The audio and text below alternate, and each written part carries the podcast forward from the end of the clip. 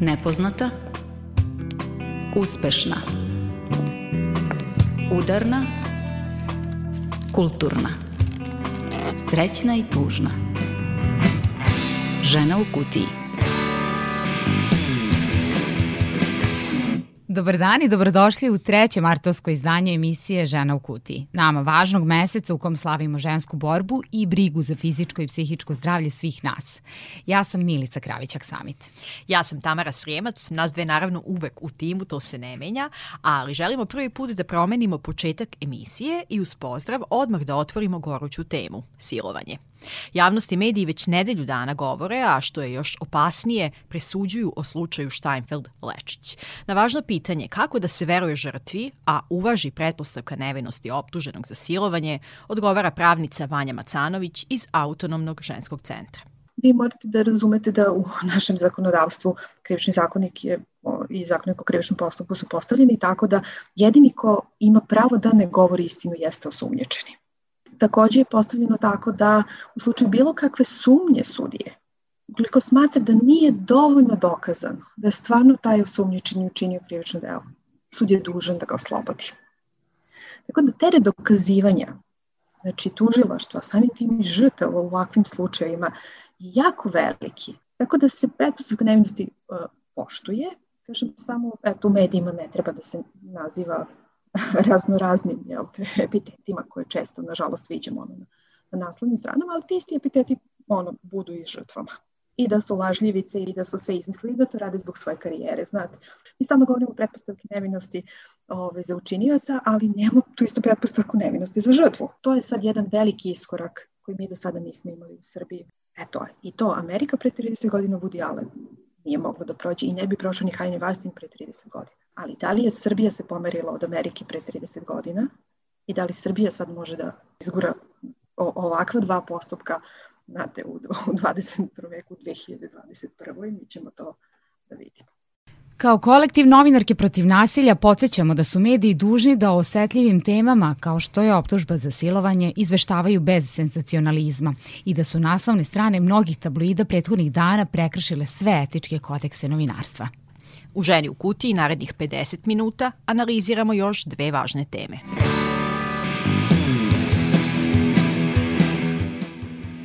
U slučajeve prijavljivanja silovanja, mart mesec je doneo javni obračun sa osvetničkom pornografijom. O tom fenomenu i ženskoj solidarnosti koja se najviše ogleda na društvenim mrežama pričamo uskoro. U drugom segmentu emisije Žena u kutiji govorimo o važnosti pregleda dojki i mamografiji. Pričamo o tome kako izgleda ceo postupak od pregleda, diagnostikovanja do lečenja i življenja sa karcinomom. Dve ozbiljne teme uz mnogo sagovornika i sagovornica i različitih pristupa očekuju vas za nekoliko minuta, jer smo odlučile da počnemo uz glas konstrakte iz benda Zemlja gruva. Ne znamo da li ste čuli pesmu Tuga, ali krajnje je vreme. Tuga, tu je kao voda, kad je hladan dan. Voda tu je, ne vidiš je, voda magla je. Tišina ostaje jer ne zna kako, kako. Ja samo čutim kad setim se da voda magla je. Magla me ne pere, ne pere A voda magla je. Magla me ne pere, ne pere A voda magla je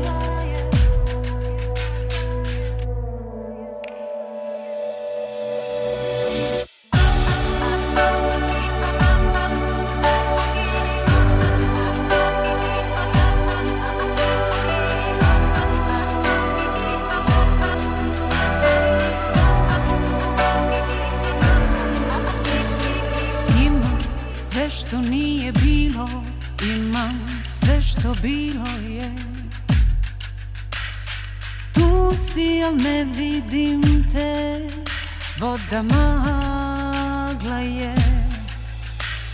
Tišina ostaje jer ne znam kako Kako.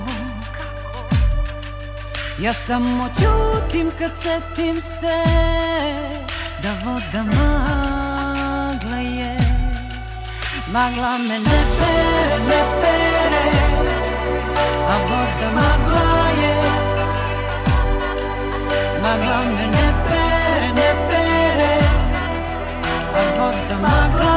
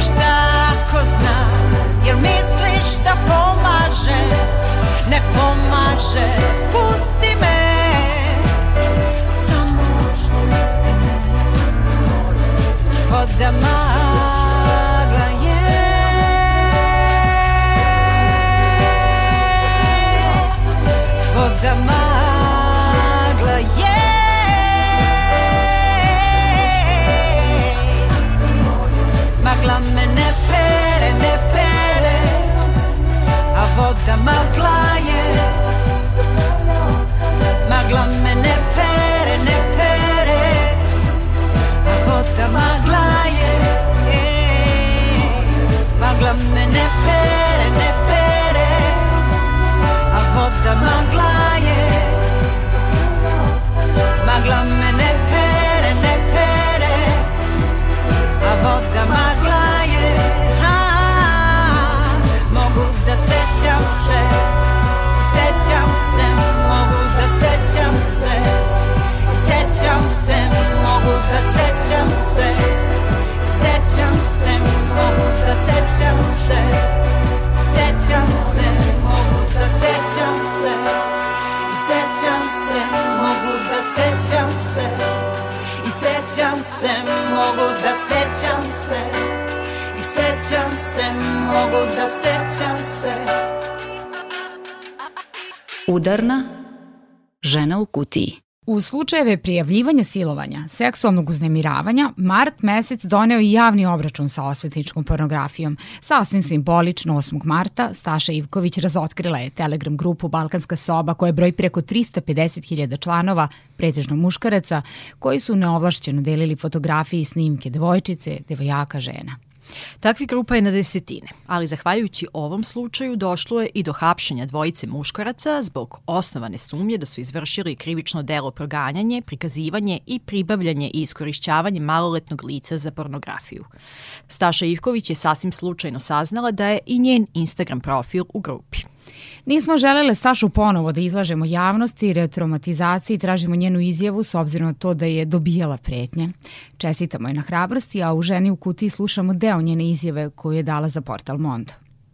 Za saznanje ove grupe sam došla tako što mi se javio jedan e, dečko koga ja lično ne poznajem. Obratio mi se na Instagramu, e, poslao mi je screenshot te grupe gde sam ja videla da je neko od e, tri, skoro 37.000 njih poslao moj Instagram profil u cilju da se raspita o meni, da li postoji neka moja gola slika, neki snimak, bilo kakav eksplicitni sadržaj, kako može doći do mene.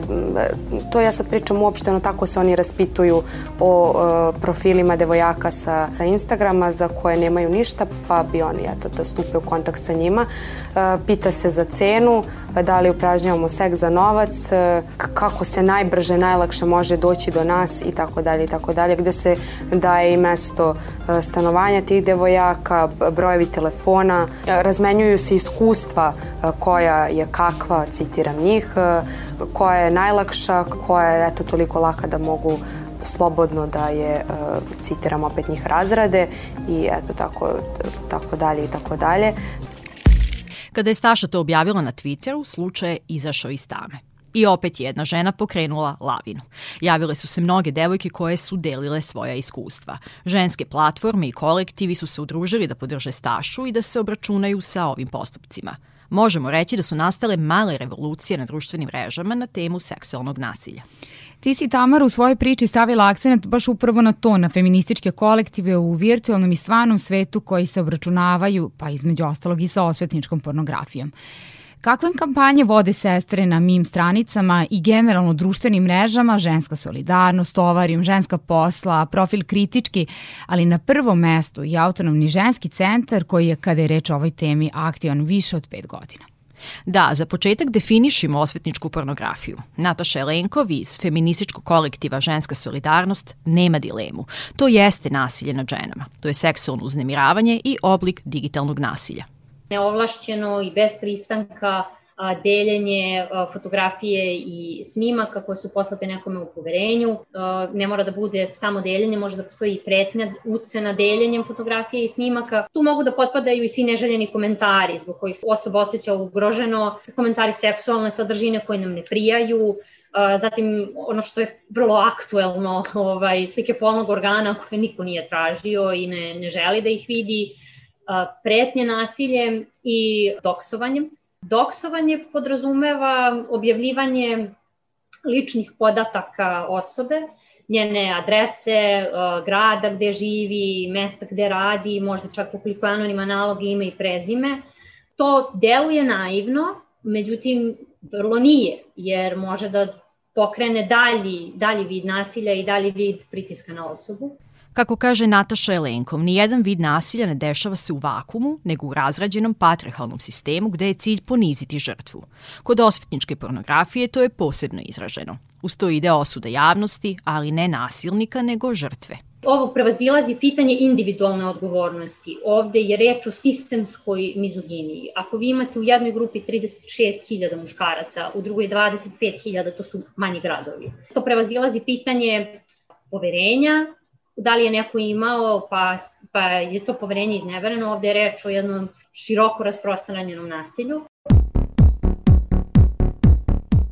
da to nisu jedine grupe u kojima su se neovlašćeno delile tuđe fotografije i snimci i da je osvetnička pornografija široko rasprostranjena, svedoče Nataša Elenkovi iz Ženske solidarnosti i Bojana Kovačević, jedna od administratorki Facebook stranice Ženska posla nisu brojale toliko članova, brojale su svega možda 200, 200 ovaj, članova, ali su bile vrlo lokalne i u njima su recimo muškarci fotografisali devojke na ulici, na plaži, u supermarketima i onda su se raspitivali za njihove kontakte, ko imena i tako dalje, baš, baš onako jeziva situacija. I Burek forum i razni, razni, razni ćoškovi interneta na Krstarici je ranije e, to bilo dosta aktuelno. Takođe su aktuelni e, i Instagram profili takozvani spotted, gde vide neku, neku ženu stave sliku, kreću da se raspituju o njoj, sve to spada pod vid zastrašivanja i sve to spada pod nasilje.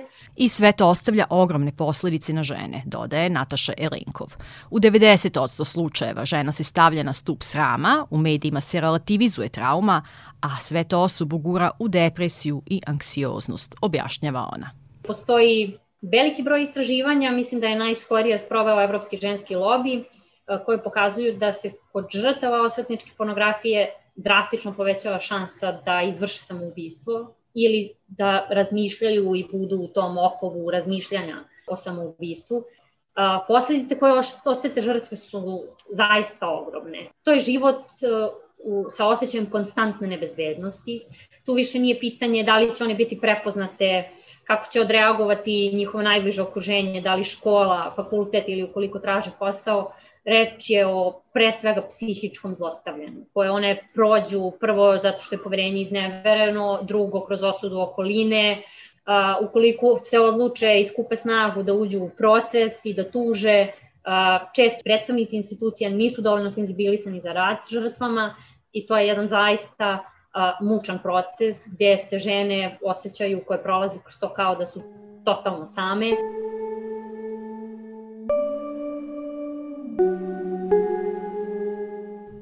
Istraživanje Autonomnog ženskog centra pokazuje da je više od 50% devojčica i devojaka doživelo seksualno uznemiravanje preko društvenih mreža, a oko 10% njih bilo je ucenjivano slikama ili snimcima.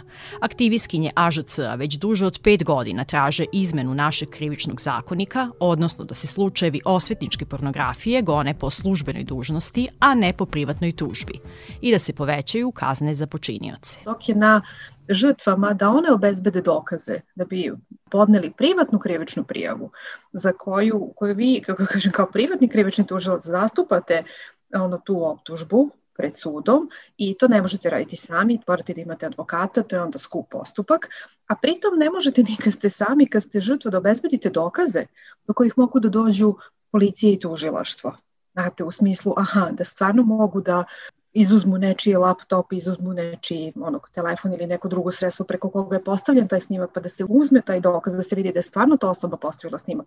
Ove, ovaj, I drugo problem koje postoje, postoje da smo imali slučajeve, na primjer, da su žene i angažovale određene IT stručnjake da probaju da otkriju da dođu do toga kako je to postavljeno i da je u stvari se ustanovilo da je to rađeno, na primjer, preko ruskih servera i da onda to ne spada opet u nadležnost suda i tužilaštva u Srbiji. I feministički kolektiv Ženska solidarnost traži kriminalizaciju osvetničke pornografije, gonjenje po službenoj dužnosti, a ne privatna tužba. I druga stvar jeste povećanje kazni, zbog toga što u trenutnom zakonodavnom okviru kazne su vrlo marale, novčano, takozvano novčane izvlačenje je često ne, ne verujem da bi baš toliko preuzimali rizik na sebe da aktiviraju te grupe kada bi znali da ih čeka zatvor i to moguće na duže staze.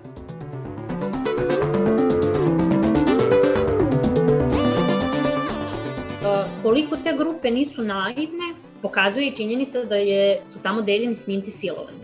Tamo je deljena dečija pornografija, tamo su deljene snimci maloletnih lica, fotografija maloletnih lica uopšte nije bitno sada da li su one poslate u poverenju ili to ne, negde procurilo, ne, šta god. Uh, zbog toga je jako važno da se ne zaustavimo samo na zakonu, nego na senzibilisanju čitavog sistema, pre svega kroz obrazovanje i pre svega fokusom na tinejdžere i tinejdžerke, kako da se zaštite na internetu a problema koje treba rešavati, a koje naša država ignoriše, ima mnogo, kaže Vanja Macanović, pravnica u Autonomnom ženskom centru. Čak i kad je donošena strategija vezana za visokotehnološki kriminal, znači žene su potpuno izostavljene iz te strategije. Uglavnom je visokotehnološki kriminal je baziran na istraživanju ovo pronevera i zloupotrebe kartica, elektronsko plaćanje i svih tih ostalih stvari. Nešto malo ima vezano ovaj, za decu i zloupotrebe dece na internetu, Znači žene, ovo, osvetničke fotografije i sve ovo drugo, ne postoji u toj strategiji. Ženske organizacije su bile potpuno isključene kada je ta strategija kreirana. Tako da zato mi imamo ovo sad što imamo. I zato je hapšenje administratora pomenute Telegram grupe mnoge iznenadila. Bojana Kovačević kaže da je prijatno iznenađenje reakcijom policije i resornog ministarstva koji su ovome što se desilo prepoznali realnu opasnost po žene, devojke, devojčice. Sa njom je saglasna i Nataša Elenkov hapšenje je samo početak. Ja se nadam uh, da ćemo doći do uh, finalnog procesa, da ćemo doći do suda, da će, da će on u stvari doći do suda i da će na kraju uh, služiti kaznu zbog toga što je administrator te grupe. Dakle, administrator grupe Nišlike koja je brojala 25.000 članova, zatim druga grupa Eksiju Balkanska soba, 36.000 članova, opet ponavljam, meni je neverovatan broj. Ja nisam mogla da se ne zapitam da li sam ja nekada prošla pored osobe koja je u toj grupi. Vrlo verovatno kada vidite koliki je broj nisu baš toliko male šanse da nisu. Mislim, bilo mi je nekako i logično kada sam videla da je uhapšen administrator grupe Nišlike konkretno, zato što je, smo imale uvida u to da se konkretno u toj grupi pojavljuju i fotografije na kojima se nalaze vrlo očigledno maloletne devojčice od svega 10, 11 godina, ne znam, u svakom slučaju osjećala sam se dobro zato što mi je bilo, napokon sam osetila da e, nešto što se dešava u online svetu može da se prelije i na offline svet. Ovo je vrlo značajno jer pokazuje da zapravo žrtve mogu da računaju na institucije. U pružanju podrške žrtvama osvetničke pornografije i podizanju vidljivosti tog problema aktivan je i Instagram profil Kritički, koji prati preko 50.000 ljudi. I Nikolina Pavićević, koja stoji iza tog profila, kaže da je nakon vesti o hapšenju osetila olakšanje. Zato što sam vidjela da nadležni napokon kreću da reaguju. I sad sa jedne strane stvarno je malo bez veze što mi kao javnost moramo da tjeramo i da pritiskamo nadležne da reaguju ovako bitnim temama, ali sa druge strane vidimo da je nešto u našim rukama i da kad se pokrenemo možemo da postignemo neke rezultate, tako da mislim da je to jako dobro i to je ono što možemo da izvučemo iz ove priče i za svaku sledeću da isto i naš trud e, može da se čuje da se vidi i da tako pritiskamo sve one organe i institucije koje ne odgovaraju adekvatno dok to ne učine kako treba. A pritisak i podršku je konstantno slala i Facebook stranica Ženska posla. Bojana Kovačević kaže da je razotkrivanje grupa Balkanska soba i Nišlike moment koji se mora iskoristiti. Mislim da to, to, to je suština kod uh, online sveta, da ti ne možeš da biraš momentum, znači on se desi ili se ne desi, vir, zato se zove viralno. Um, kad, kad je nešto viralno, to je zapravo vrlo nepredvidljivo kada će da se desi taj momentum i mislim da ga treba iskoristiti. Ovo jeste veliki pomak, kaže i Vanja Macanović iz Beogradskog autonomnog ženskog centra. Ali baš zato što je tako ogroman broj žena čije su fotografije i snimci bez njihovog znanja završili na internetu. Iz tog razloga nije smelo da policija i tužilaštvo ne postupe po službenoj dužnosti. Ali u pojedinačnim slučajevima, žalost, mi ne vidimo da se postupa onako kako bi trebalo da se postupa, ali s jedne strane, to do, kako kažem, krivica stoji na tome kako je delo on, regulisano i inkriminisano, to je da mora da se ide u taj privatni krivični postupak. Naš krivični zakonik nema poseban član koji se tiče osvetničke pornografije. Postoji nekoliko članova na koje punoletne žrtve u ovom slučaju mogu da se pozovu. Pre nekoliko godina uvedena su i krivična dela proganjanja i polnog uznemiravanja, ali kazne za ovakva dela nisu velike sve ukupno do tri godine zatvora. Za sada još neizvesno kakve će kazne biti i šta će tužiloštvo uspeti da obezbedi od dokaza da bi zatim sud mogao nekoga da osudi u ovom slučaju. Tako da prerano je govoriti dok ne budemo videli aha da je podignuta stvarno ono, optužnica ili optužni predlog, zavisi zašto će imati dokaze, pa onda da vidimo koja bi tu kazna bila zapređena. Mi, na primjer, isto nemamo nešto što postoji u svetu, a to je da se ljudima koji su radili ovakve stvari izriče i posebna mera zabrane Znate, uopšte ono kao pristupa internetu, ovaj, znači na drugi način nekako da se ono to kao osuđeni za ovo krivično delo, aha, da li postoji neki sistem praćenja? Nemate sistem praćenja. Znate, oni će sledeći put opet, ovo će da se završi kako će da se završi, ono, ali oni će opet ponoviti. I to je jasno kod dan, zato što nemate dobru kontrolu. Da se članovi grupa na kojima se dele fotografije bez pristanka brzo pregrupišu i počnu da deluju sa drugih internet platformi, mišljenja je i Nataša Elenkov iz kolektiva Ženska solidarnost kada te grupe dođu do javnosti, vrlo brzo se, mogu i da se ugase grupe, oni će se vrlo brzo napraviti nove. To je jedna neprestana borba, ali mislim da tu Mislim da će sada ići malo teže, da će i ti administratori i grupa vidjeti da mogu da snose veće posledice Pregrupisale su se i žene na društvenim mrežama. Ta solidarnost u online sferi je nešto dobro što je izašlo iz ovog slučaja, kažu novoseđenka Bojana Kovačević i Nikolina Pavićević iz Podgorice. Ajde, ja to zovem nekako grassroots feministički pokret, zašto niko od nas nije evo ne mogu da tvrdim za sve, ali mislim da većina od nas nema neko formalno obrazovanje u vezi s tim, nego prosto smo, osjećamo da treba da se udružimo, da postoje neke zajednički problemi oko kojih možemo da se udružimo, da ne moramo da budemo nikakve formalne organizacije, NVO i tako dalje, da bismo delovale mm. i sa tog aspekta mislim da je urađena velika stvar. A, ovo razotkrivanje je svakako veoma važan korak zato što je naše društvo naviklo da ne priča o ovim temama. Žrtve često misle da nemaju kome da se jave, da nemaju kome da ispričaju svoju priču i da nema niko da im pomogne. Sada vidimo da je istupilo mnogo organizacija koje su ponudile svoju pomoć, vidimo da ima mnogo stranica na internetu koje će uvijek pričati o ovim temama kako bi se podigla svijest, tako da to jeste stvarno jedan i veoma važan korak za, za naše društvo.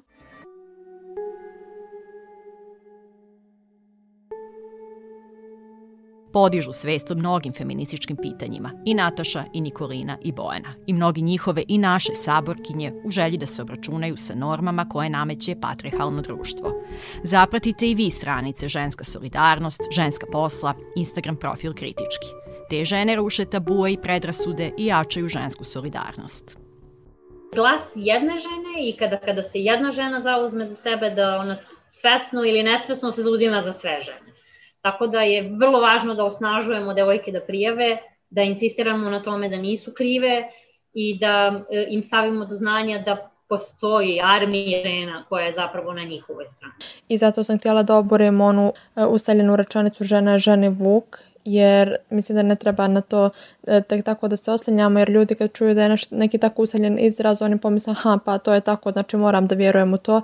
Nije tako bitno da sve to preispitujemo i da skrenemo pažnju na to da žena ženi stvarno nije vuk i da ima toliko primjera kada je žena bila tu za drugu ženu i koliko to zapravo može da pomogne i kakvu tu podršku pruža zato što je vrlo očigledno da, da, da postoji jedan balon koji neminovno mora da pukne i, i da su žene verovatno zato što je stasala ta generacija milenijalska ovaj, koja sad ima ne znam 25 do 30 plus godina koja sada zapravo shvata da ima zapravo moć za, za menjanje nešto u društvu i vidjet ćemo da, gde će ovo sve da ode dalje od ovog momenta.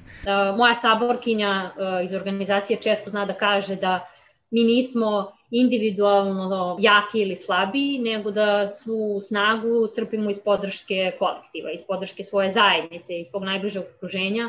Zbog toga je vrlo važno, vrlo važno insistirati da žrtva nikada nije kriva, e, da je uvek kriv onaj koji to poverenje izneveri, da je uvek kriv zapravo nasilnik. I Staša Ivković sa početka priče, žena koja je izašla u javnost o osvetničkoj pornografiji, definitivno nije sama. Motivisale su me te poruke podrške i poruke, e, to su romane koje meni e, devojke i momci šalju i konstantno mi stižu nova, nova iskustva. Ja nisam ni planirala, ni mislila da će od ovoga iskreno biti bilo šta. Mislim, ja nisam sama, svi su mi pomogli da dođem do ovoga, svi koji su Eh, jedan jedini profil koji je sa dva pratilaca koji je to podelio mi je pomogao da, da dođem do ovoga kao i svi mediji, svi novinari. Još jedno prijatno iznenađenje kada je u pitanju reakcije institucija. Prošle sedmice stigla je vez da je Dejan Dabović iz Herceg Novog osuđen na doživotni zatvor zbog ubistva 25-godišnje Dušanke Jocović u Novom Sadu. Podsećamo, devojka je ubijena u ulici Aleksa Šantića krajem 2019. godine. Okrivljen je bio u pritvoru od decembra te godine. To je druga kazna doživotnog zatvora koja je izrečena u Srbiji nakon promene krivičnog zakonika 2019. godine. Prvi je, podsjetimo, na doživotnu robiju osuđen Ninoslav Jovanović iz Malče zbog otmice i zlostavljanja devojčice iz Niša. Zašto je ova presuda važna? Za ženu u kutiji govori Vanja Macanović iz Autonomnog ženskog centra i pohvaljuje uz to rad Višeg suda u Novom Sadu. Kada se menjao krivični zakonik i kada uvedena ova kazna doživotnog zatvora, naša bojazan je bilo da se ta kazna doživotnog zatvora neće izrecati slučajima femicida. Znači, mi smo pre kazne doživotnog zatvora imali kaznu od 30 do 40 godina. Sada vi imate e, tu opciju, znači ili može da nekome bude izrečena kazna zatvora do 20 godina ili kazna doživotnog zatvora. Mi smo čak i u toj javnoj raspravi tražili da postoji ipak i ovo od 30 do, do 40, da ima neki raspon da sudije mogu da se kreću, da ne bude taj grozan izbor između ili samo do 20 godina ili doživotni zatvor i plašili smo se da neće slučajno femicida, tako da je, ovo za nas bilo veliko iznenađenje i kako kažem, drago nam je što nismo bili u pravu moram da kažem.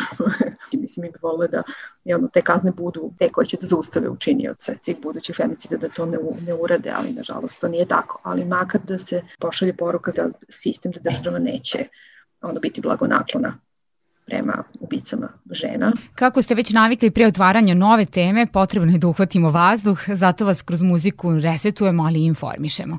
Sada nam je za inspiraciju poslužio YouTube profil Više manje zauvijek, koji objavljuje savremenu muziku ispevanu na maternjim jezicima autora ovih naših krajeva. Pažnju nam je ukrao beogradsko-trstenički muzičar Niko Nikolić svojim debitanskim albumom Drugo mesto. Pa slušamo Niko nije kao ti. Ne želim odgovor, bojim se ko oktopod S tobom je zbunjeno, izvan grada si ko aerodrom, ali niko nije kao ti. Ali niko nije kao ti.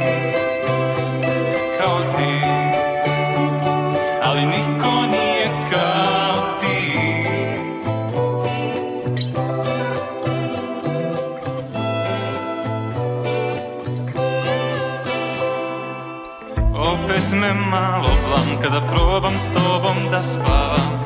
Ti bi se igrala da me ložiš ko patriota Ali nije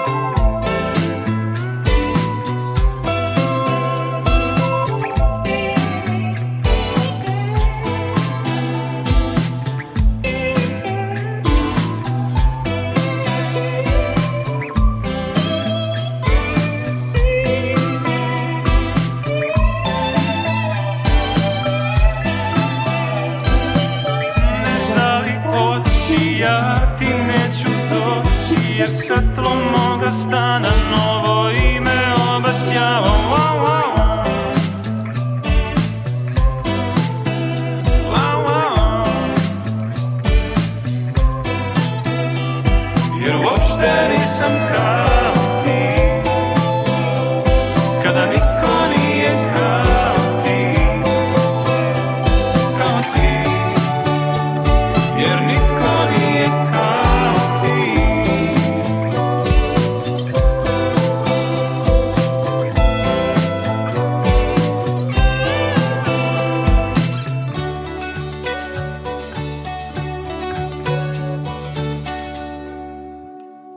Nepoznata žena u kutiji. Mart je mesec u kom se borimo i za fizičko zdravlje žena, a od karcinoma dojke, koja je jedno od najčešćih oboljenja, godišnje u Srbiji oboli oko 4.500 žena, oko 1600 premine.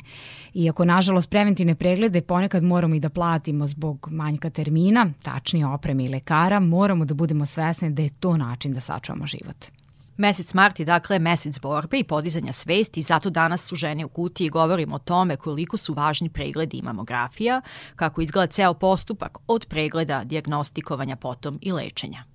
U svojoj 39. godini dok je dojela svoje drugo dete, Sandra Žubor iz Bačke Palanke prvi put je na dojci napipala kvržicu. Tada je brzo dobila dijagnozu i terapiju, međutim osam godina kasnije na mamografu uočeno je da se rak vratio. jako sam to teško podnela, kao da me sam tad tek prvi put doživela taj stres koji dožive žene kada prvi put saznaju. I posle dve godine, znači 2016. proširilo mi se na kosti. Posle četiri godine, to znači prošlo leto, mi se proširilo na pluća. To su sve šovkovi i nokauti koje čovjek mora da izdrži, ali što rekao Roki, važno je podići se, a ne ostati na patosu. U Bačkoj Palanci godišnje oboli 36 žena, njih 20 izgubi život, kaže načelnik odeljenja za radiološku diagnostiku Bačko-Palanačkog doma zdravlja Momir Antolović. Na godišnjem nivou odradimo negde oko 1000 i po mamografskih pregleda i toliko otprilike znači ultrazvučnih pregleda, sve skupa negde oko 3000 žena se pregleda u Bačkoj Palanci. Po skriningu koji je zamišljen kao metod za pregledanje žena bez simptoma, od 65.000 stanovnika opštine Bačka Palanka procene da bi 10.500 žena trebalo da obavi mamografiju, objašnjava radiolog. Međutim, to je jako teško odraditi zbog više stvari. Prvo zbog broja radiologa koji je obučeno za diagnostiku dojke, drugo zbog broja aparata koji su tu i zbog vremena koje imamo. Znači, suština i zaključak je nas je malo. Iako je po pravilniku predviđen jedan, u Domu zdravlja u Bačkoj Palanci radi dvoje radiologa, a posla ima, kažu, i za četvoro. Pandemija je dodatno otežala posao jer su prioritetni snimci pluća, hitni i onkološki pregledi, dok je prevencija usporena. Ali načelnik smatra da je za ovih 13 godina koliko se radi mamografija u opštini primetna promena svesti i znanja. Imali smo sreće da je bilo novootkrivenih više pacijenata, čim je bilo više pacijenata otkrivenih, znači u tom prvom stadijumu kad su ove dobre prognoze, puno žena smo spasili na taj način. I mamografija kao taka je stvarno bila u pravo vreme i pokazale dobre svoje rezultate u Bačkoj Palanci. U Bačkoj Palanci postoji jedan mamograf. Mnogi domovi zdravlja u Srbiji nemaju ni jedan. Jedno od rešenja za opštu bolju prevenciju bio bi pokretni mamograf, smatra specijalista onkolog sa Instituta za onkologiju Vojvodine, dr. Lazar Popović. Ako bi mogli da napravimo takvu situaciju da žena koja već ima strah od mamografije ne mora da uzima jedan uput, drugi uput, treći uput i da zakazuje svoj pregled, I da nego samo da dođe pregled. na mobilni mamograf dobar dan, meni danas pada godišnja mamografija i da to uradi, to bi mnogo veći odaziv žena žena stvorilo za, za preventivne mamografske preglede.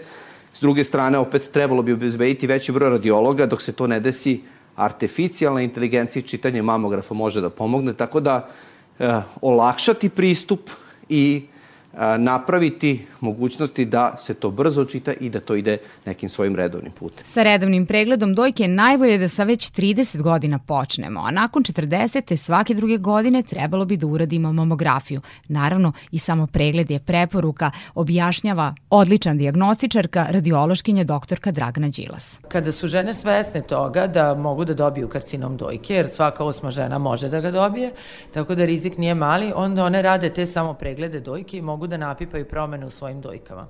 Da bi mi mogli da napipamo promenu u svojim dojkama, ona mora da bude veća od 1,5 cm. Znači, moj zadatak i zadatak svih oni koji se bave diagnostikom karcinoma dojke je da različitim metodama snimimo dojku i da nađemo karcinom pre nego što je dosego 1,5 cm. Jer po statistikama, u tim slučajevima taj karcinom najčešće nije dao metastaze ni u limfne čvorove, niti neke udaljene metastaze po drugim organima.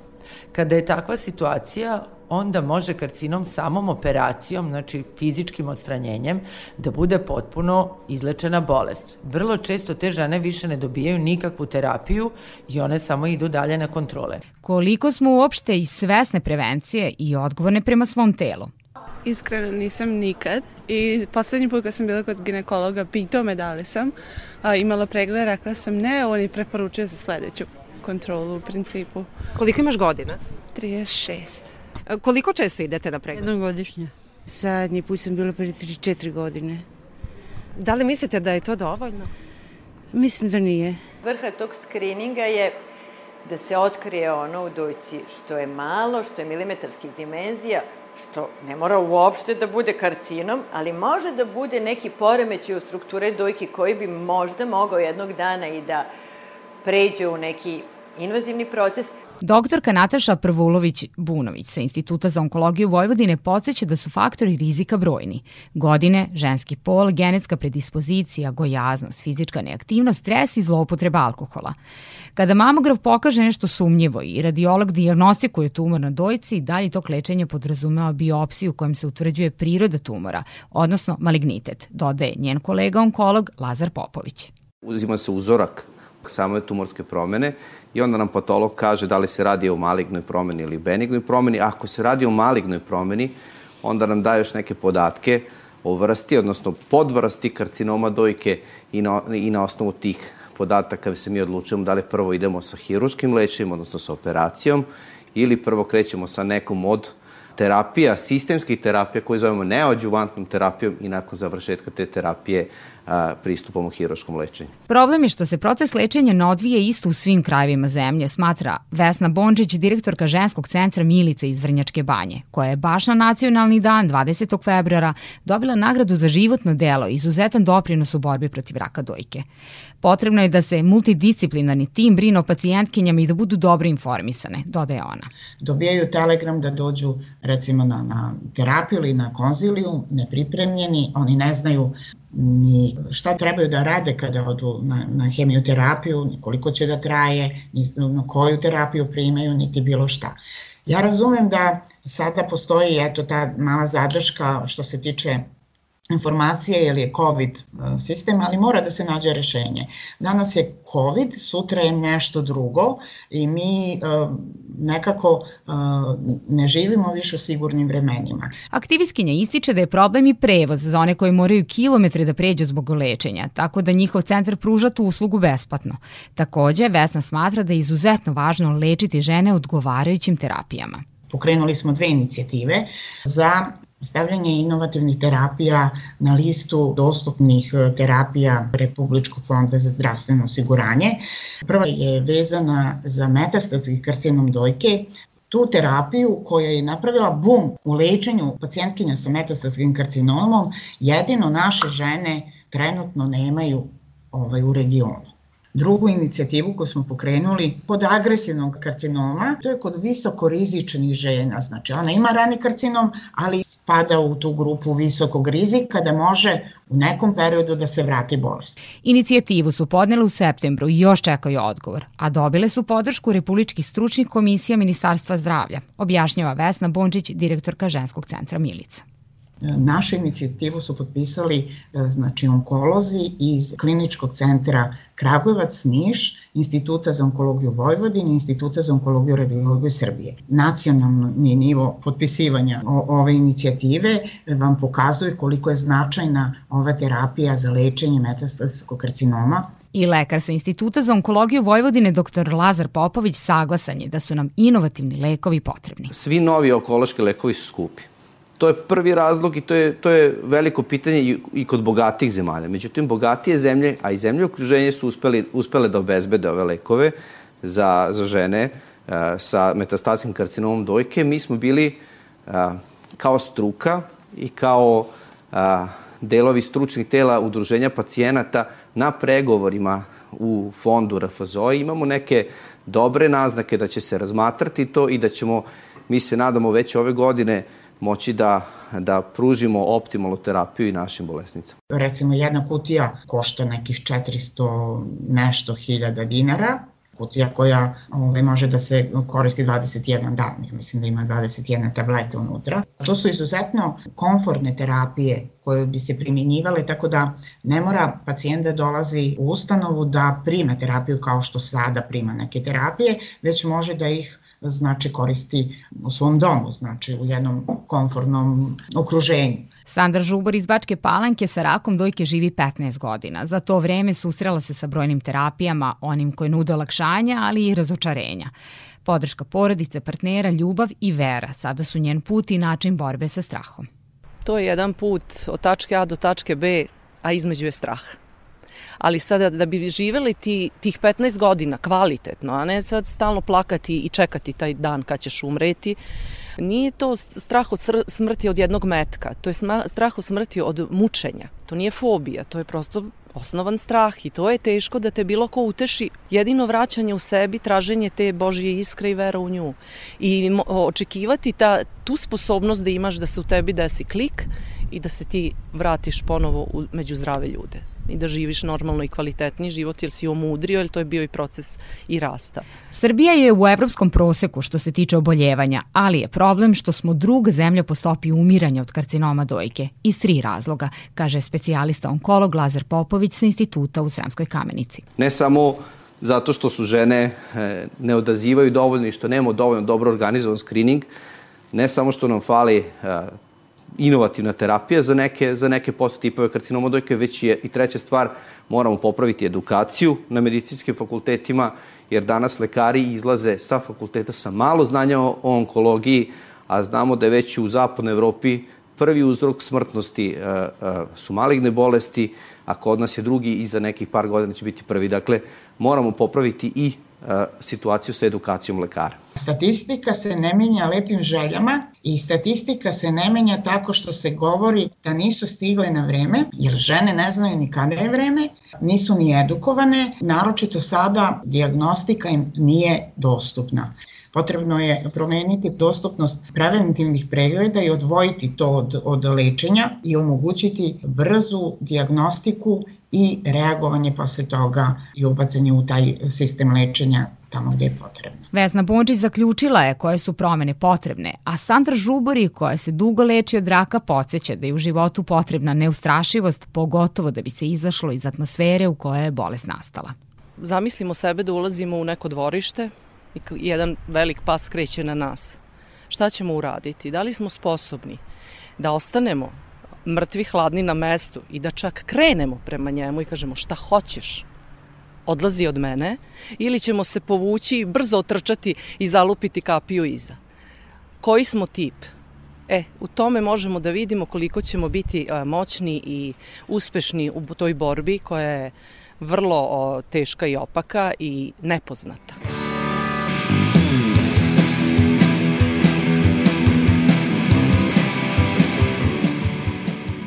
Bilo je to sve od nas iz kutije. Hvala na slušanju i pažnji, čuvajte sebe i volite se.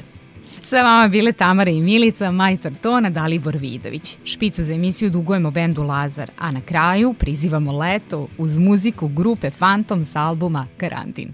Doviđenja.